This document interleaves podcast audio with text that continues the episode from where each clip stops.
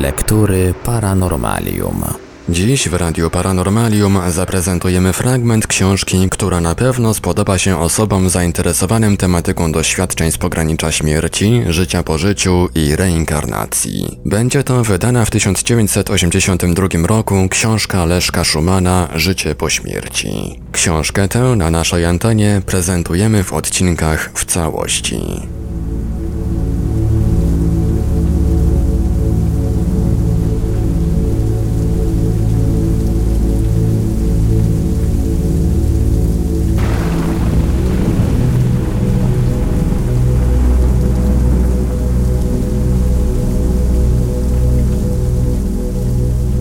Proroczy sen. W roku 1947 mój przyjaciel, magister farmacji, zachorował na gruźlicę. Były to czasy, kiedy u nas dopiero zaczynano stosować streptomycynę. Inne, doskonalsze leki wówczas jeszcze nie istniały. W każdym razie mój przyjaciel miał wszelkie szanse na wyleczenie się, pod warunkiem, że będzie ściśle przestrzegał zaleceń lekarzy. Nie były one ani skomplikowane, ani uciążliwe. Spokój i racjonalny tryb życia. Niestety, mój miły przyjaciel do zaleceń się nie zastosował. Dużo pił, chociaż go ostrzegano, że alkohol wręcz neutralizuje działanie leku. Po kilku latach jego stan zdrowotny na tyle się pogorszył, iż trzeba go było ulokować w sanatorium. Lecz przecież samo sanatorium to niewiele. Do sukcesu niezbędna była zmiana trybu życia, na co mój przyjaciel nie miał najmniejszej ochoty. Mijały lata. Człowiek kolejno odwiedzał różne sanatoria i lekarzy. Podczas jednej z przerw, gdy był w domu, poszedł do przychodni w celu okresowego przeglądu. Czuł się bowiem całkiem dobrze. Lekarz obejrzał kliszę i zadecydował. Takie oględziny w przychodni nie dadzą nam wiele. A może by pan przyszedł na kilka dni do mnie, do szpitala? Tam sobie pana spokojnie przebadamy i namyślimy się wspólnie, co by tu jeszcze można było zastosować. Pacjenta umieszczono na czwartym piętrze w miłym, przestronnym pokoju. Nawet nie miał zbyt daleko do domu, tak więc rodzina skwapliwie korzystała z okazji i często go odwiedzała. Któregoś dnia na odwiedziny przyszła córka. Wspaniale, że przyszłaś, zawołał ojciec. Muszę ci opowiedzieć, co mi się dziś śniło. Otóż wyobraź sobie, śniło mi się, że leżę w łóżku, a tu otwierają się drzwi i w progu stają moi rodzice. Jureczku, zawołała mama. Przyszliśmy z tatusiem, aby cię stąd zabrać. Jak myślisz, Iwonko, co ten sen mógł oznaczać? Ależ tatusiu, zawołała dziewczynka. Stajesz się tak samo zabobonny jak mama. Ona miała dziś zupełnie podobny sen, że twoi rodzice weszli do pokoju, gdzie spała i powiedzieli jej, że dziś zabiorą cię do siebie. Tu należy zaznaczyć, że rodzice mojego przyjaciela nie żyli już od ponad 10 lat. Córka posiedziała u ojca jakiś czas, a ponieważ skończył się czas przewidziany na wizyty, więc ojciec sprowadził ją na dół. Pożegnał się z nią czule w przystępie nagłego przypływu energii, radości życia i wspaniałego samopoczucia. Wszak miał dopiero 42 lata. Zapomniał, że jest chory. Przeskakując po dwa stopnie, wbiegł szybko na czwarte piętro. Położył się do łóżka i nagle złapał go atak kaszlu. Krew buchnęła mu z ust. Sąsiad z sali nacisnął na guzik alarmowy. Nadbiegła siostra. Zaalarmowała lekarza dyżurnego. Grupa krwi była znana. Szybko podłączono pacjentowi kroplówkę. Starano się go ratować zastrzykami. Po kilku minutach chory jednak zmarł. Wykrwawił się. No cóż, dwa identyczne sny to chyba coś więcej niż przypadek. Pomoc znikąd. Było to w noc sylwestrową 1956 roku. Leżałem wówczas chory na internie w jednej z tutejszych klinik. Minęła północ. Rozpoczął się 1 styczeń 1957 roku, lecz ja, dręczony nieznośnym bólem, nie mogłem zasnąć. Chodziłem więc po korytarzu, tam i z powrotem. Jak to bywa w Nowy Rok, co chwilę podjeżdżały karetki pogotowia. W pewnym momencie było ich aż sześć. Widziałem przez okno, jak na noszach wnoszono chorych do dyżurki, w większości pokrwawionych pijaków. Po kilku minutach słyszałem, jak uruchamiano windę. Kiedy winda mijała nasze piętro, słyszało się charakterystyczne klik. Aha, pacjent na drugie piętro na chirurgię. Na naszym piętrze na szczęście była cisza. Cały oddział pierwszy spał. Wypadki internistyczne w rodzaju pijaństwo i obżarstwo pogotowie załatwiało od ręki. I słusznie, po co pacjent ma żygać w klinice? Niech to zrobi u siebie w domu. Znów jęknął silnik i winda ruszyła w górę. Nadsłuchiwałem, lecz charakterystycznego klik tym razem nie było. Drzwi od windy otworzyły się i dwie salowe wytoczyły z niej wózek z pacjentem przed naszą dyżurkę i poszły sobie. Na wózku leżał chory. Był półprzytomny. Rzucał się i chwytał powietrze jak ryba wyjęta z wody. Jak wpisano na izbie przyjęć, miał on podobno krwotok, albo z żołądka, albo z przełyku. Musiał utracić już dosyć dużo krwi. Dyszał przy tym, jakby się dusił.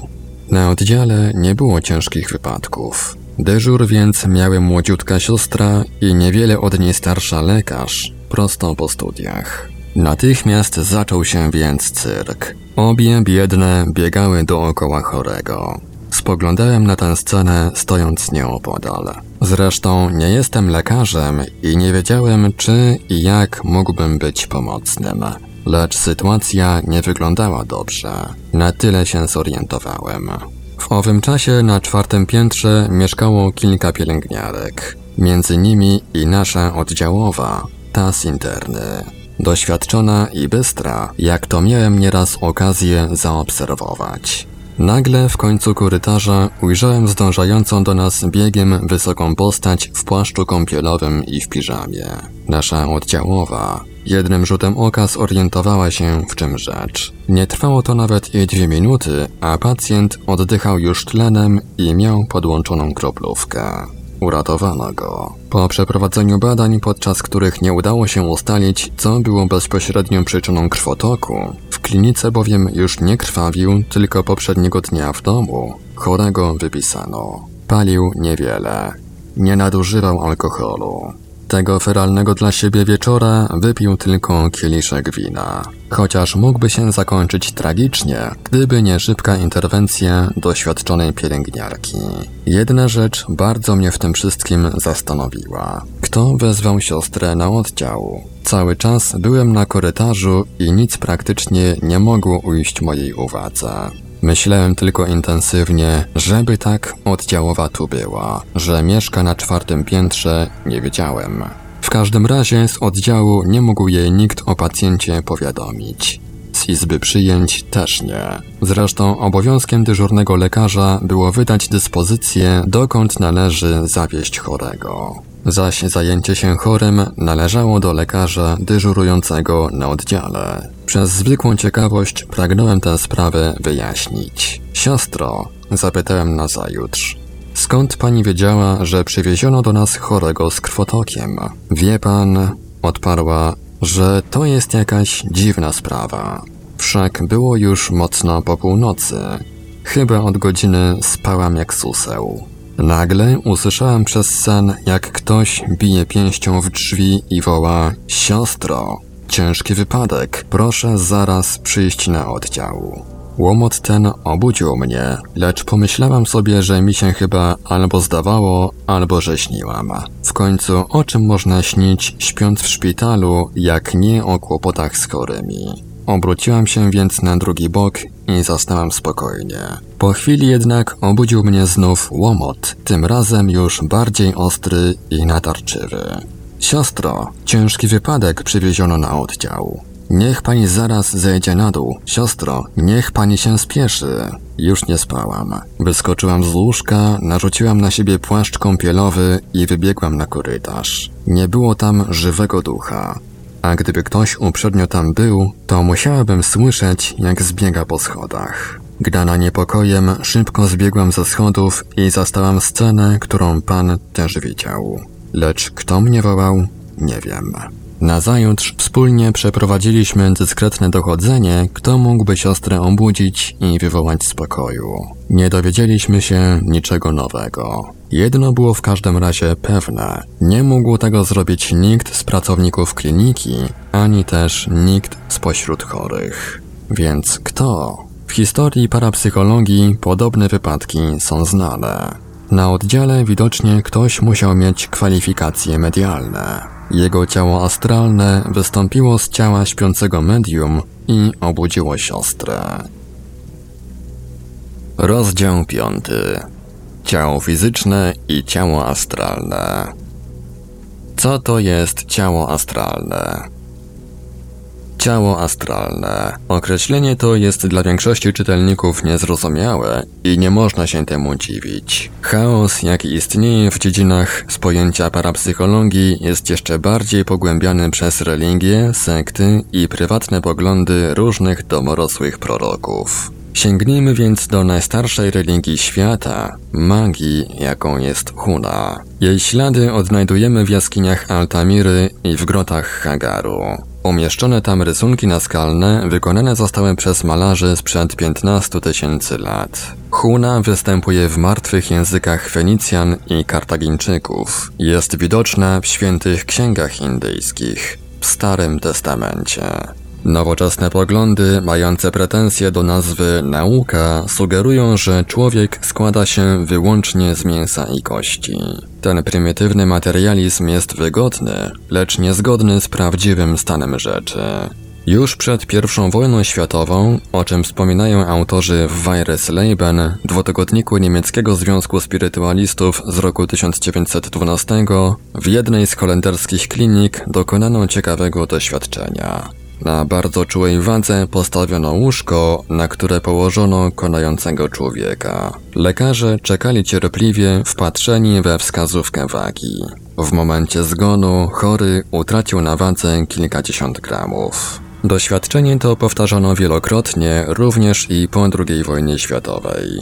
Za każdym razem otrzymywano podobny wynik. Można stąd wnioskować, iż coś musiało zmarłego opuścić. Tym czymś było właśnie owe tajemnicze ciało astralne, jeden ze składników istoty ludzkiej. Stare religie, których symbole są do dziś utrwalone w różnych totemach ludów dzikich, niezrozumiałe dla naszej wysokiej cywilizacji i kultury, twierdzą jednak, że człowiek naprawdę składa się z, po pierwsze, ciała fizycznego, które jest jak gdyby pokrowcem dla innych, znacznie ważniejszych składników, po drugie, dwóch dusz, które należy traktować osobno, świadomości mającej rozum, lecz nie posiadającej pamięci oraz z podświadomości mającej pamięć, lecz pozbawionej umiejętności samodzielnego kojarzenia. Normalnie owe dusze po śmierci człowieka trzymają się razem i religie nazywają je ciałem astralnym lub, jak chrześcijańska, duszą. I po trzecie, tak zwanego najwyższego ja,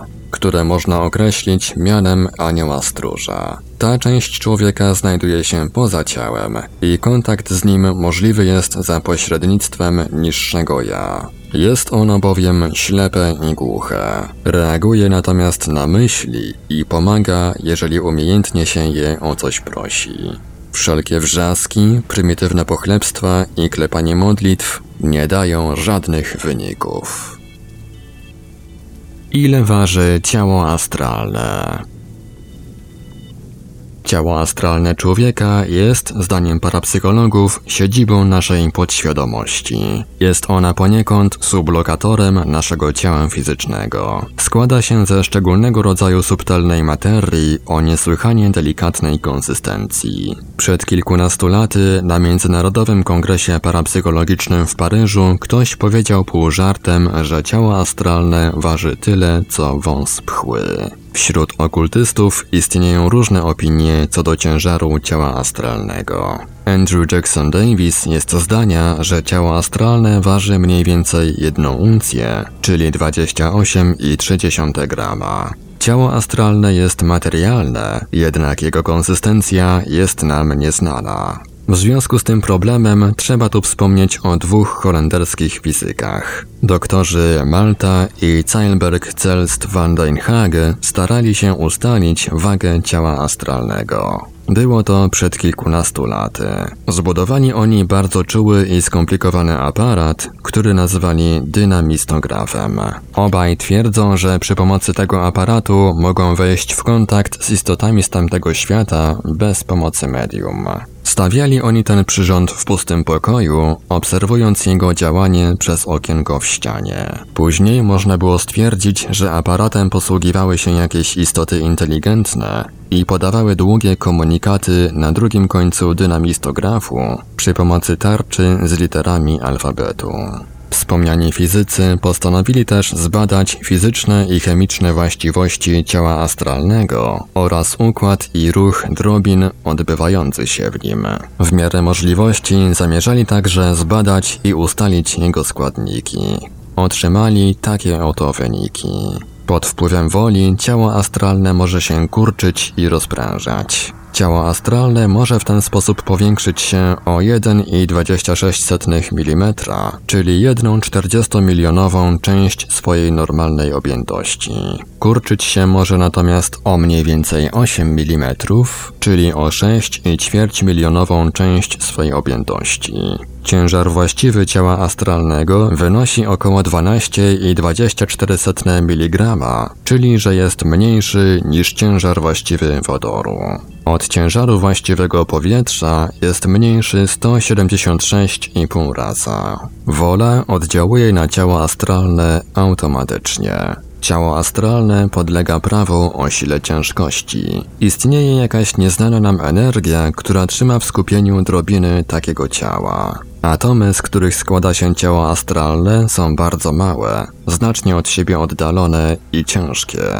Gęstość ciała astralnego równa się mniej więcej gęstości powietrza zewnętrznego. Jeżeli ciśnienie atmosferyczne się zwiększa, to także to samo następuje wewnątrz ciała astralnego. Wagę ciała astralnego obliczono i ustalono na mniej więcej 69,5 grama. Te wyniki są zbieżne z rezultatami otrzymywanymi przed kilkudziesięciu laty przez doktora Duncana McDougalla. Ważył on wówczas kilku konających na gruźlicę. Stawiał w tym celu pacjenta wraz z łóżkiem na bardzo czułej wadze. W chwili zgonu wskazówka wagi uchylała się, pokazując ubytek 2-2,5 uncji, czyli 56,6 do 70,75 gramów. Doświadczenie to, przeprowadzone niezależnie od eksperymentów holenderskich, potwierdzałoby słuszność otrzymanych wyników. Bilokacja, czyli wysyłanie ciała astralnego. W ostatnich latach kilku uczonych stwierdziło, że po przejściu pewnych ćwiczeń praktycznych każdy może nauczyć się wysyłania swego ciała astralnego i to za życia doczesnego. Piszą na ten temat autorzy amerykańscy Malone i Carrington. Teoretyczne podstawy takich eksperymentów podaje Long w swym dziele Wiedza tajemna za cudami. W zasadzie chodzi tu o jeden z systemów jogi, znany szerzej pod nazwą Elkankar. Liczna literatura tego tematu jest dostępna w językach niemieckim i angielskim. Subtelna konsystencja ciała astralnego przenika nas. Podczas snu następuje jednak lekkie rozluźnienie obu składników, które dla łatwiejszego zrozumienia potraktujemy jako dwie odrębne osobistości, zamieszkałe powiedzmy w jednym pokoju. W czasie snu ciało astralne, widoczne przez jasnowidzów oraz niektóre osoby widujące aurę, lekko unosi się ponad ciało fizyczne człowieka w celu nasycenia się energią kosmiczną. Na ten temat pisano już dużo, Istnieją też różne teorie. Dlatego na razie odniesiemy się do tego z pewną rezerwą, aby uniknąć polemiki, które nie są celem naszej pracy. Akcja odłączania się ciała astralnego od ciała ziemskiego, gdy konkretna osoba nie jest w śnie somnambulicznym, a na jawie, może objawiać się zawrotami głowy, omdleniami, a nawet katalepsją i spadkiem temperatury ciała. Podczas snu natomiast, w postaci snów o fruwaniu, o nagłym wznoszeniu się w górę, na przykład windą, Może to oznaczać, iż ciało astralne ma ochotę odczepić się od przynależnego mu ciała ziemskiego. Jedną z innych charakterystycznych cech takiego stanu są drgawki występujące w chwili zasypiania. Jest to wskazówka pewna, że ciało astralne chciałoby na własną rękę opuścić przynależne mu ciało ziemskie i wybrać się na wycieczkę. Świadomość ludzka w takich wypadkach nawet nie orientuje się o co chodzi. Lecz uwaga, rozstanie się nie następuje całkowicie.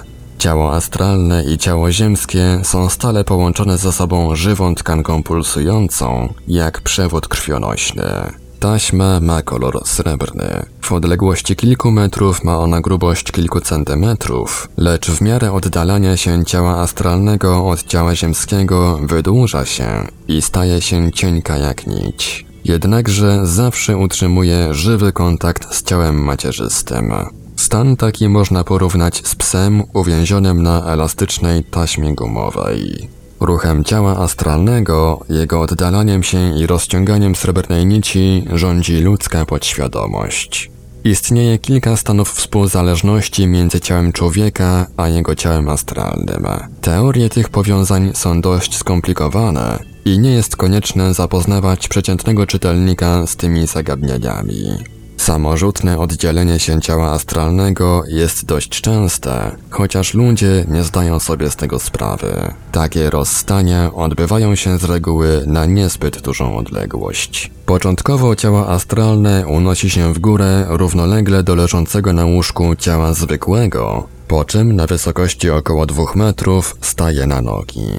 Wiadomo to z obserwacji przeprowadzonych przez media i jasnowidzów. Ciało astralne, przyuczone do wycieczek przy pomocy systematycznych ćwiczeń, może udawać się bez obaw na większe odległości. W tym czasie ciało ziemskie jest nieruchome, sztywne i jakby martwe. Z takich wypraw bilokacyjnych znany był Mahomet, inżynier osowiecki oraz liczne media. Nabierało to cech świętości w oczach pospólstwa. W interesie Kościoła bowiem takie fakty umacniały wiarę maluczkich w boskie cechy medialnej osoby. W chwili zgonu ciało astralne opuszcza swe ciało ziemskie, lecz czyni to na zawsze. Srebrna taśma ulega wówczas zerwaniu. Konającemu pomagają w tym istoty z tamtego świata, aby ułatwić umierającemu przejście na tamtą stronę. Dopóki nasza podświadomość działa samodzielnie, a świadomość nie wpływa na bilokacyjne wycieczki wysyłanego ciała astralnego, jest ono, mówiąc potocznie, bardzo strachliwe. Przy najmniejszym, nawet pozornym zagrożeniu, srebrna wstęga kurczy się w ułamku sekundy i ciało astralne wraca błyskawicznie do domu. Kiedy ciało astralne nauczy się oddalać na większą odległość, nabiera ono w sposób nam nieznany dodatkowo cech świadomości lub ją po prostu zabiera ze sobą. Dzięki temu może działać samodzielnie, podczas gdy ciało ziemskie leży sobie zimne i półmartwe. Nie ma wówczas żadnego kontaktu z nikim i niczym, a jakiekolwiek próby obudzenia takiego pozornie martwego człowieka grożą mu śmiercią. Na tej nielicznym znanej zasadzie polegają różne komunikaty, ostrzeżenia i wiadomości wysyłane na odległość. Spotykamy się z tym od niepamiętnych czasów. Są to działania z dziedziny parapsychologii i udokumentowane zostały historycznie przez licznych pamiętnikarzy i dziejopisów. Czy bilokacji można się nauczyć? Ależ oczywiście lecz wymaga to cierpliwości, wytrwałych ćwiczeń i jednak pewnych kwalifikacji, widocznych szczególnie w horoskopie indywidualnym. Same ćwiczenia nie są ani trudne, ani męczące. Wszystko polega na przyzwyczajeniu naszej podświadomości do obcych dla niej sytuacji. Zaczynamy od tego, że przed zaśnięciem próbujemy wyjść z siebie i z pewnej odległości popatrzeć na swe ciało. Zaznaczam jednak, że główne trudności bilokacji polegają na strachliwości naszej podświadomości, która kieruje się uczuciem, a nie rozsądkiem i trzeźwym myśleniem, opartym na życiowym doświadczeniu. Po prostu panicznie boi się wysyłania swego ciała astralnego, a naszej świadomości nie chce słuchać. Oczywiście istnieją w tej dziedzinie liczne wyjątki. Uchodzą one za świetnych parapsychologów, wybitne media lub za świętych, w zależności od tego, w jakim otoczeniu się wychowali, lub mówiąc dosadniej, kto ich dostał w swe ręce. Różne próby z sugestywnymi snami, o czym już wspomniałem, są mało przekonywujące. Istnieje jednak sposób sprowokowania podświadomości. Idzie się wieczorem około 23 spać, zjadłszy uprzednio coś słonego. Przed położeniem się do łóżka stawia się na stole szklankę z wodą. Nie dla ugaszenia pragnienia, a dla zwrócenia na to uwagi podświadomości, którą normalnie trudno okłamać, iż na stole jest szklanka z wodą, mogąca ugasić pragnienie. Przed zaśnięciem myślimy intensywnie o owej szklance wody i o możliwości ugaszenia pragnienia oraz staramy się z tą myślą zasnąć. Także podczas zasypiania można myśleć o windzie i o jej równomiernym wznoszeniu się w górę. Sny o nierównomiernej jeździe windą łatwo kojarzą się ze snami o podłożu seksualnym. Jedziemy przez chwilę w górę, po czym wszystko tak samo odbywa się w kierunku odwrotnym. Nie jest to jeszcze bilokacja, ale w ten sposób przyzwyczajamy naszą podświadomość, mającą kontakt z ciałem astralnym, do późniejszej, prawdziwej eksterioryzacji. Jak już wcześniej powiedziałem, ciało astralne opuszcza nasze ciało, aby sobie pochodzić po okolicy. Ludzka świadomość zazwyczaj nie zdaje sobie z tego w ogóle sprawy. Należy przypuszczać, że na tej drodze powstają w człowieku różne sny prorocze, albowiem po tamtej stronie życia czas w naszym ujęciu zagadnienia nie istnieje. Poza naszym życiem nie ma go po prostu.